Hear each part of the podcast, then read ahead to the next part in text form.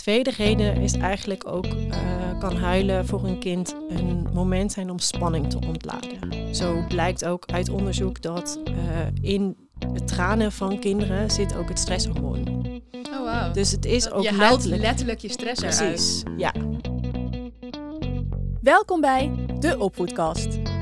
De podcast over alles wat je als ouder van jonge kinderen wil weten. Want tijdens de opvoeding van die kleine loop je tegen van alles aan. Dan is het fijn om af en toe een pedagogische hulplijn te hebben. Hi luisteraars en hey Janine. Hallo. Gezellig dat we hier weer zitten. Ehm, we hebben het vandaag over huilen. Ja. Je hebt heel veel verschillende soorten. We huilen als we verdrietig zijn. We snotteren op de bank bij een film. We huilen bij het snijden van een ui. Of uh, we huilen van de pijn of boosheid. Of misschien wel van gemis of juist ontroering. En soms ook gewoon zomaar. En dan weet je ook gewoon niet heel goed waarom. Eigenlijk is huilen best wel iets normaals. Uh, en bij een geboorte wordt er juist gejuicht als een kind met een luide schreeuw en huil ter wereld komt. Uh, en hem meteen begint te huilen. Maar al best wel snel lijkt huilen eigenlijk niet meer te mogen, niet meer Mhm. wenselijk. En uh, dan willen we het zo snel mogelijk voorkomen of stoppen. En als volwassene verontschuldig je jezelf als je een traantje moet laten of je probeert je tranen weg te slikken of te onderdrukken. Maar waarom doen we dat eigenlijk? Want eigenlijk weten we allemaal wel dat je na een potje flink huilen best wel opgelucht kan zijn. En dat doet ook letterlijk iets met, met je hersenen, waardoor je je lichter en opgelucht voelt. Waarom is huilen nou zo kwetsbaar? En zouden we het niet allemaal wat meer normaal moeten laten zijn, dat huilen? Ja, dat, dat denk ik eigenlijk wel. Ja. Nou, daar gaan we het vandaag ook over hebben. Zeker. Uh, ik um, uh, begin gelijk met een luisteraarsvraag. Uh, via onze Instagram hebben we een vraag binnengekregen van Saluloli, een van onze Engels sprekende luisteraars. Um, ik vertaal haar vraag even naar het Nederlands. Saluloli heeft het idee dat het in de Nederlandse maatschappij normaal is om je baby zomaar wat langer te laten huilen. Klopt dat ook? Nou, ik kan me wel goed voorstellen dat deze moeder uh, dit idee misschien wel gekregen heeft. Daarbij zie je gewoon dat er uh, vanuit verschillende culturen heel veel verschillende ideeën en verschillende meningen over überhaupt opvoeding zijn. En zeker in het geval van, van huilen. Dus ik kan me voorstellen dat als zij in haar omgeving dat ze veel verschillen ziet over hoe vriendinnen dat doen, hoe ze dat misschien op de opvang ervaart of misschien wel op, op op plekken ergens in het openbaar. Dat je denkt, joh, vinden Nederlanders dat nou normaal?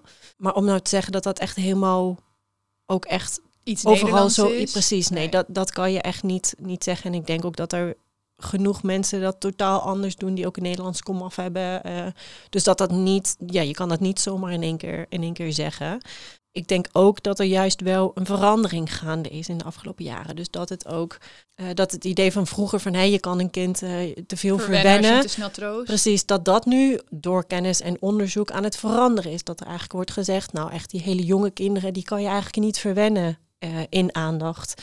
Uh, dus ik denk wel dat daar een verandering in, in gaande is. Maar om nou te zeggen dat het in Nederland oké okay is om je kind zomaar alleen te laten huilen en dat dat normaal gevonden wordt. Nee, daar, daar ben ik van overtuigd dat dat niet het geval is. En uh, ja, dat, dat je dat ook niet zeker niet moet, moet laten, laten gebeuren. Maar dat het juist belangrijk is om te gaan onderzoeken... wat wil je kindje nou eigenlijk vertellen op het moment dat hij nou verdrietig is... en dat hij aan het huilen is. Ja, want huilen is natuurlijk, zeker voor kindjes die nog niet kunnen praten, eigenlijk gewoon een manier van communiceren. Ja, het is eigenlijk een hele logische reactie. Kijk, uh, als baby is huilen eigenlijk je enige vorm van communicatie. Als volwassene kun je je uitdrukken, je kunt je vertellen hoe je je voelt, uh, je kan je grenzen aangeven. Maar deze vaardigheid hebben kinderen gewoon letterlijk nog niet. Ze hebben echt alleen maar dat huilen. Dus ze willen je ook iets vertellen. Het is niet alleen maar verdrietig zijn, maar ze willen eigenlijk juist hun behoeften aangeven. Uh, dus een kind huilt ook niet zomaar.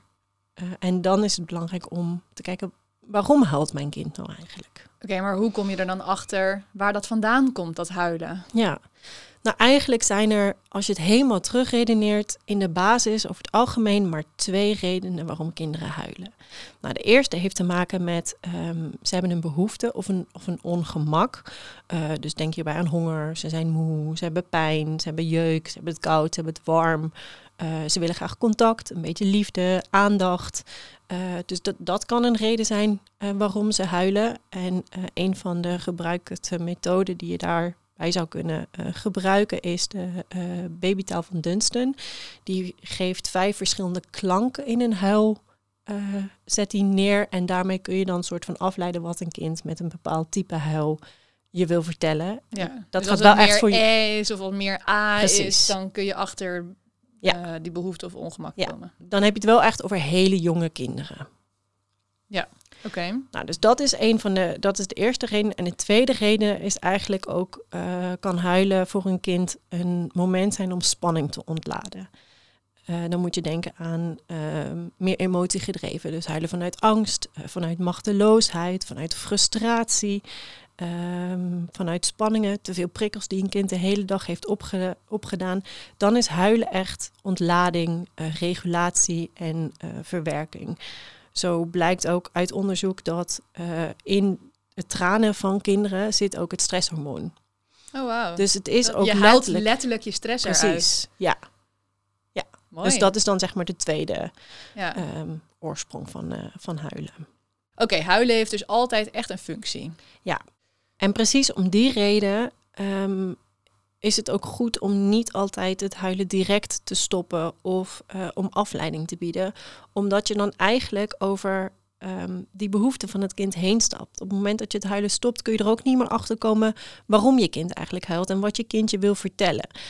Ehm, dan heb ik het niet over laat je kind 10 minuten eh, alleen maar huilen, maar kijk nou eens even wat voor signalen je kind naast het huilen geeft. Eh, is er iets gebeurd in het moment daarvoor? Eh, ligt hij er op een bepaalde manier bij? Dat zijn wel dingen die je kunnen vertellen of die je kunnen helpen wat je kind wil vertellen, wat hij nodig heeft. Ja. En we hebben ook al wel eerder gezegd, er is echt een verschil tussen huilen en echt overstuur zijn. Hè? Ja. Want als een kind echt overstuur is, dan is hij eigenlijk al te lang aan het huilen. Ja. Eh, en dan kan je er ook niet meer achter komen waarom hij nou aan het huilen is. Nee, Eh, en dan, dus- dan kan het kind het ook zelf niet meer reguleren. Dan is Nee. het echt, overlaat het hem ook. ja, oké, Ja. maar dus is wel de moeite waard om niet gelijk af te leiden, maar eerst gewoon even te kijken, wat is er aan de hand? En dat, dat doe je natuurlijk ook in nabijheid. Hè? Dus je kan wel op prima zeggen, hey, ik zie dat je verdrietig bent. Dus ga zeker wel in contact met je kind. Ehm, maar dan is je insteek dus niet "Shh, shh, stil maar en eh, is al goed. het is al goed, hier is je speen. Maar nee, hey, je bent verdrietig, ik ben hier. Dat is dan al de boodschap die je wel Ja, kan, kan ik ben geven. er voor je. Ja, dus je Ja. bent al wel echt in contact. Maar wat gebeurt er dan bij een kind als we wel dat huilen stoppen of afleiding geven? Ja, dan, dan kan die stress of die behoefte er letterlijk niet, niet uit. Eh, het hoopt zich dan op en dat, dat kan ook letterlijk voor fysieke klachten, eh, tot fysieke klachten leiden. Een kind kan zich verkrampen. Ehm, zo zie je ook, sommige kinderen eh, hebben heel veel last van, van buikpijn of van hoofdpijn. En natuurlijk heeft een kind dat natuurlijk ook net als dat wij volwassenen dat hebben. Maar soms kan dat ook stress gerelateerd zijn, omdat het dus op sommige momenten dat die emoties hoog oplopen, niet die stress kan verlagen door dus even verdrietig te zijn. Ja, en dan komt het er op een andere manier uit. Ja. Fysiek. Ja. En dan, ja, dus het kan fysiek, eh het kan leiden tot fysieke klachten, maar je kan ook, ehm, je ziet ook wel eens dat kinderen het juist dan op een andere manier gaan uiten. Dus dat ze misschien gaan bijten, gaan slaan, gaan schoppen, heel hard met dingen gaan gooien, dingen kapot maken. Die frustratie kan ook stressgerelateerd zijn. Oké, eh, we hebben nog een luisteraarsvraag binnengekregen. Eh deze luisteraar eh, heb ik geen naam van, maar haar dochtertje van drie maanden kan soms onafgebroken huilen voor een langere tijd, liet zij weten. En ze zegt soms duurt het echt wel een uur en dan helpt niets van wat ik ook doe. Troosten, bij me nemen, wiegen, laten liggen, huilen, ehm, alles geprobeerd. En soms merk ik, zei ze, dat het voor mezelf ook gewoon te veel wordt. En dan begin ik aan mezelf te twijfelen. Ik wil er voor haar zijn en haar troosten, maar ik weet nu gewoon echt niet meer hoe. Heb je tips? Nou ja, allereerst eh, is haar dochtertje echt nog heel jong. Hè? Haar dochtertje is drie maanden. Eh, en op deze leeftijd horen er soms nog wel huiluurtjes bij. Ja, en ik Zeker. denk dat iedere ouder dit ook wel herkent. Dat Ja. je je soms zo machteloos en eh, kan voelen dat je gewoon niet weet wat er, aan, Ja. wat er scheelt. Ja, en dat zie je vooral echt een beetje in die newborn fase. Je moet je voorstellen dat alle prikkels die binnenkomen bij een kind komen volledig binnen. Ze hebben nog geen filter. En dan heb ik het niet alleen over geluiden, maar ook over geuren, over aanrakingen, over kleding, over licht, donker. Dat zijn allemaal prikkels die volledig bij je kind binnenkomen. Waar wij dat als volwassenen geleerd hebben om te kunnen filteren, heeft een kind dat niet. Daar hebben we eerder ook al wel iets over gezegd. Dat uh, we krijgen miljoenen prikkels binnen per minuut, seconde. Ja. Uh, en wij zijn er inderdaad op getraind om de relevante prikkels eruit uh, te filteren en Ja. die binnen te laten komen. Maar baby's kunnen dat toch niet. Dus Nee. zij krijgen letterlijk Ja. meer prikkels binnen. Waar ze ook nog eens daarbovenop niet eens weten hoe ze daarmee om moeten gaan. Niet- nog niet eens weten wat het is. Nee. Het overkomt ze echt. Dus als je het in die zin bekijkt, is het ook niet gek dat een kind op een gegeven moment overladen is, vol is en dat die emmer leeg moet, omdat ze dat dus niet hebben kunnen filteren. Ja. Eh, dus dat gezegd hebben, dan kan het ook echt wel nog met deze fase te maken hebben. Ehm, en wat ik daarin eigenlijk deze luisteraar misschien nog wel wil meegeven is, ehm, eh, probeer het ook eens om te denken. Kinderen laten het meest, het, het diepste van hun gevoelens laten ze zien bij degene die ze het meest vertrouwen, in de omgeving waar ze zich het meest veilig voelen. Dus het feit dat je kind zich zo kwetsbaar, zo verdrietig, zo emotioneel opstelt bij jou als ouder, is eigenlijk een compliment over hoe veilig je kind zich voelt. Mooi. Dat klinkt een beetje gek. ehm, maar ik denk als op het moment dat je jezelf dit realiseert, dat het misschien ook makkelijker is om er voor je kind te zijn en te zeggen: Kom maar, het is oké. Je bent verdrietig, ik ben er voor jou. Ongeacht wat je voelt, wat je doormaakt. Ja, en het is ook denk ik wel echt een uitdaging om gewoon op die momenten zelf nog de rust te vinden. Ja. Voor jezelf en voor je baby. Want soms is dat gewoon het enige wat je, wat je dan kunt doen. Dus En is dat ook meer dan genoeg? Beschikbaar zijn. Ja, daarin, bij dat beschikbaar zijn, daarin geef je eigenlijk de onvoorwaardelijke liefde aan je kind mee. Maakt niet uit wat je doet, ik ben er altijd voor jou. Oké, zijn er nog andere dingen die je dan kan doen om je kind in zulke situaties te helpen, te ondersteunen? Nou, het is vooral goed om in eerste instantie te kijken, is mijn kind voorzien in zijn basisbehoeften? Zeker bij zo'n jong kind. Eh, heeft hij genoeg gedronken? Is hij genoeg uitgerust? Eh, heeft, eh, heeft hij geen honger meer? Maar denk ook eens aan ongemakken. Ligt het boxkleed waar je kind misschien op ligt. Misschien zit er wel een vouw in, of zit romper of de luier niet lekker. Misschien heeft hij te koud, misschien heeft hij te warm. Dat kan ook al een reden zijn waarom je kindje dan zo verdrietig is. En bij oudere kinderen kun je ook goed kijken van wat is er nou voorafgaand gebeurd? Wat, wat was er? Is er net iets kleins gebeurd voor het moment van huilen, wat misschien te maken heeft met dat huilen? Bijvoorbeeld, eh, de Duplo-blokjes willen niet lekker op elkaar klikken, wat ontzettend fru- frustrerend is voor je kind. Dan kan het dus zijn dat op dat moment dat huilen niet om verdriet is, maar om frustratie is. Ja, zeker als die emmer al vol is. Ja, ja en daarin eh, kan een combinatie van beide factoren dus ook mogelijk zijn. Op het moment dat een kind al moe is of hongerig is, dan raak je sneller gefrustreerd en is, is je emmer sneller vol, zeg maar. Ja, Daar hebben wij dat, zelf eh, als Ik ben ook altijd van. angry. Precies, ja. Ja, nou, als we er dan wel gewoon even van uitgaan dat deze moeder die al die basisbehoeften allemaal langs is gegaan. En het gaat hier ook dus echt om een heel jong kindje. Mhm. Je weet dus echt niet waar dat huilen vandaan komt. Wat kun je dan nog doen? Nou ja, dan is het eigenlijk gewoon, we zeiden het net al, zorg maar dat je er gewoon bent. Wees er voor je kind, wees beschikbaar, ben aanwezig en erken de emotie. Eh, door te vertellen wat je ziet, help je jezelf ook in het moment te blijven. Eh, leer je je kind ook dat het zijn eigen gevoelens herkennen en eh, dat het, dat het oké is. Het helpt jou vaak ook door letterlijk te zeggen wat je ziet om om dus die onderliggende reden te kunnen ontdekken. Dus bijvoorbeeld, ehm, ik zie dat je huilt, je kijkt ook een beetje boos. Je wilde graag op je zij rollen, ik zag je op één arm liggen, maar het lukt je niet om, om door te rollen. Nou, dan heb je voor jezelf eigenlijk al de reden gevonden waarom je kindje wellicht huilt. Mag je je kind dan eigenlijk helemaal niet meer troosten of een knuffel of een speen geven bij lastige momenten? Is dat beschikbaar zijn en het, het eh, erkennen en herkennen van emoties, zou dat al voldoende moeten zijn? Ik zou het eigenlijk graag anders willen formuleren. Eh, je kan ook door je aanwezigheid die troost bieden. Dus door die onvoorwaardelijke beschikbaarheid eh, te delen met je kind, daar zit de troost al in. Dus je hoeft niet niet je kind te sussen of wat dan ook. Want dan, dan wil je eigenlijk dat het stopt. Dus die troost zit hem voornamelijk in, ik ben er voor je als je me nodig hebt. Je bent niet alleen. En een knuffel of een speen geven is eigenlijk hetzelfde als dat, "Sst, het is wel goed. Ja, le- als je letterlijk een speen pakt, dan maak je het huilen ook onmogelijk. Dus het, het moet ook stoppen dan. En als je dan nog even terugkijkt van waar komt huilen vandaan en is het misschien ook een stukje stressontlading, die speen blokkeert dat dan eigenlijk.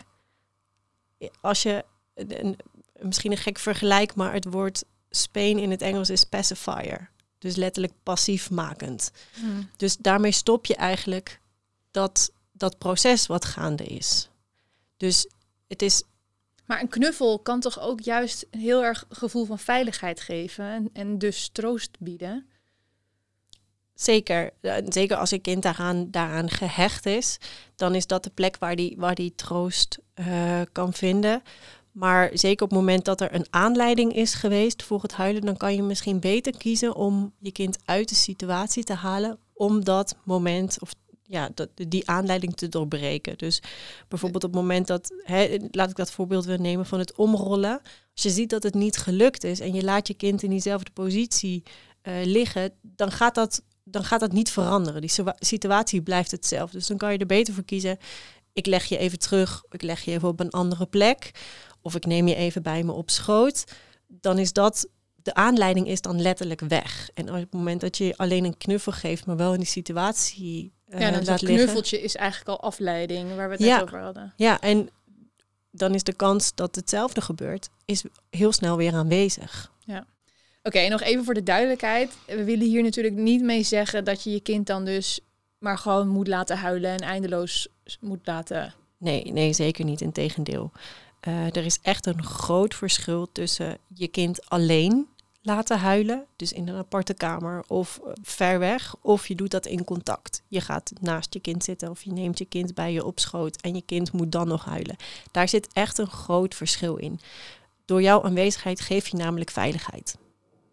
Ja, en er komen dan natuurlijk ook gewoon weer allerlei hormonen vrij die je kind vervolgens weer helpen bij die emotieregulatie. Ja, jij creëert eigenlijk een veilige setting waarin je kind dat, eh, dat kan doorlopen. En als je dus echt, daarom is dat ook belangrijk om dat verschil zo aan te duiden. Als een kind langdurig alleen huilt, dan is dat echt heel schadelijk ook voor je kind. Eh, ik had het al over een paar dingen, eh, over die lichamelijke reacties. Het kan letterlijk spanning, stress of verkramping met zich eh, meebrengen. Maar langdurig en intensief huilen kan ook echt wel eh, psychische klachten op, op latere leeftijd veroorzaken voor een kind. Een kind kan lastiger met stre- stress omgaan als die ouder is. Er kunnen dus psychologische veranderingen plaatsvinden. Dus een kind die veel en langdurig intensief gehuild heeft, kan een vorm van ADHD ontwikkelen, bijvoorbeeld op latere leeftijd. Ik zal niet zeggen dat het altijd gebeurt, maar het zou wel kunnen. Dus de effecten op langere termijn zijn ook heel groot eh, en, en schadelijk. Dus nee, alleen huilen en je kind alleen langere tijd laten huilen, dat moet je zeker niet doen. En als je het dan hebt over langere tijd, wat is dan nog acceptabel en wat is langere tijd waardoor deze schadelijke effecten kunnen ontstaan? Ja, dat, dat vind ik lastig te zeggen, omdat in een, in een termijn te zetten, daarin is ieder kind ook anders. Maar ik denk vooral dat het gaat om het stukje alleen huilen. En dat is iets waar je als ouder altijd heel gemakkelijk op kan inspelen. Dus zorg dat je dan gewoon bij je kind. En je kan het kind daarin, s- stel dat jij aan het koken bent en je kind ligt in de box en is dan, heeft dan zo'n huilmoment. eh, is het dan al behulpzaam voor je kindje? Of kan het je kind al troosten wanneer je ook tegen hem praat, terwijl je nog wel bezig bent met koken? Want je bent wel nabij, mhm. maar niet 100% beschikbaar. Je bent niet echt volledig in contact, maar je laat wel zien, je bent niet alleen. Dan zou ik er eerder voor kiezen, kan je je kindje niet even erbij zetten in de keuken. Dat, dat ze je ook letterlijk kunnen zien. Eh, dat helpt al. Ja, je bent niet volledig 100% beschikbaar. Dus dat is ook lastig voor je kind om dat te begrijpen. Eh, zeker als de verwachting bij je kind is, oh ja, als ik verdrietig ben, dan is mama of papa er voor me. Eh, maar een stukje zichtbaarheid eh, in combinatie met in contact, ga maar vertellen wat je aan het doen bent, dat kan wel helpen. Ja. ja. En dat contact is daarbij dus ook heel erg belangrijk. Hè? We noemden al eerder een onderzoek waarbij moeders ehm, contact maken met een baby, reageren uh, en vervolgens apathisch naar hun kind gaan Mhm. staren. eh, en gewoon totaal meer geen reactie geven. En daarin zie je ook hoe heftig die eh, ja, de reacties van het, van het babytje, van het, van het kind weer kunnen zijn. Ja. Dus dat is ook al een mooie. ja, dat toont heel mooi aan hoe belangrijk dat echt dat de contact en die communicatie met je kindje is. Ja, en daarbij juist de, eh, ook de non-verbale communicatie. Ja, zelfs als je hem niet in je armen hebt. Precies. Ja. Nou ja, daarin toont dit experiment eh, letterlijk de stressreacties die een kind ervaart op het moment dat een ouder niet meer beschikbaar is, terwijl een kind dat eigenlijk wel verwacht. Ja. Ja. Oké. Ehm, nou, dus heel even samenvattend. Je kind huilt nooit voor niets. Hij probeert je altijd iets te vertellen. En probeer dus te achterhalen waar het gevoel van je kind vandaan komt. Ja. Eh, je hoeft huilen dus ook niet meteen te stoppen of weg te nemen. Maar wees beschikbaar en dichtbij. Zodat je er voor je kind bent als hij of zij je nodig heeft. Ja. En laat je kind vooral niet alleen Ja. als hij huilt. Ja. Heb je daar nog iets aan toe te voegen? Missen we nu nog iets? Nou, daarin is het nog wel goed om je te realiseren van waar komt dat huilen vandaan. Dat is een manier van communicatie en dat betekent ook dat het dus ook niet goed of fout is. Alle gevoelens die je kind ervaart, mogen er zijn.